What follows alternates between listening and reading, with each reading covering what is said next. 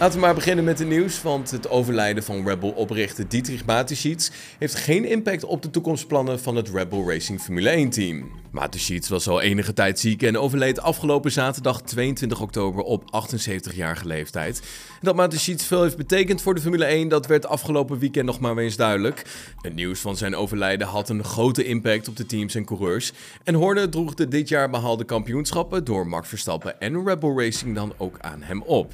Nee, de toekomst staat vast. Dankzij hem ligt er een hele sterke fundering voor de toekomst. Met zijn bijdrage hebben we alles in Milton Keynes kunnen neerzetten. En dat zorgt er ook voor dat Red Bull nog vele, vele jaren een hele sterke positie heeft. Zo zegt hij tegenover motorsport.com.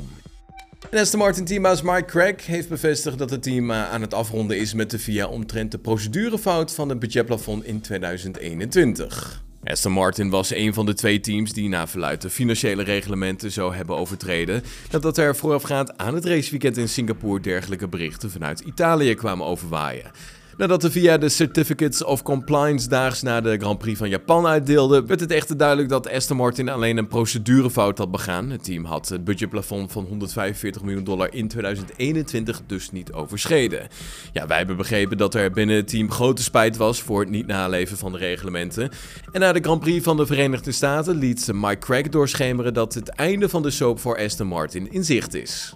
We voeren gesprekken met de VIA en ik denk dat we de komende dagen proberen af te ronden. We hebben gedurende het weekend ook wel besprekingen gehad en ik heb er alle vertrouwen in dat we tot een oplossing komen. Al dus Mike Crack. En de Silver Arrows die namen hun laatste updatepakket van het seizoen mee naar de Circuit of the Americas met de voorvleugel die net als de vloer en achtervleugel een update kreeg. Ja, hoewel de vloer en de achtervleugel het hele weekend gebruikt werden, werd de nieuwe voorvleugel ongebruikt achtergelaten op een standaard ergens buiten de Mercedes garage. Er was namelijk twijfel of de vleugel wel aan de reglementen van de VIA voldeed, waardoor Mercedes geen risico nam.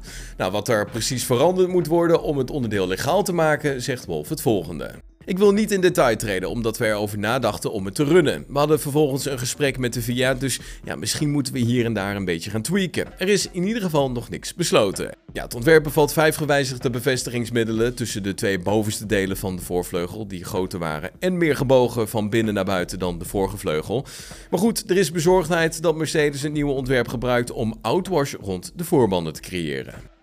Was hem dan het GP nieuws van de dinsdagmiddag. Heb je genoten van deze aflevering? Laat van je horen op onze Apple Podcast pagina of volg ons op Spotify. Zie ik je morgen weer. Tot dan. Hoi.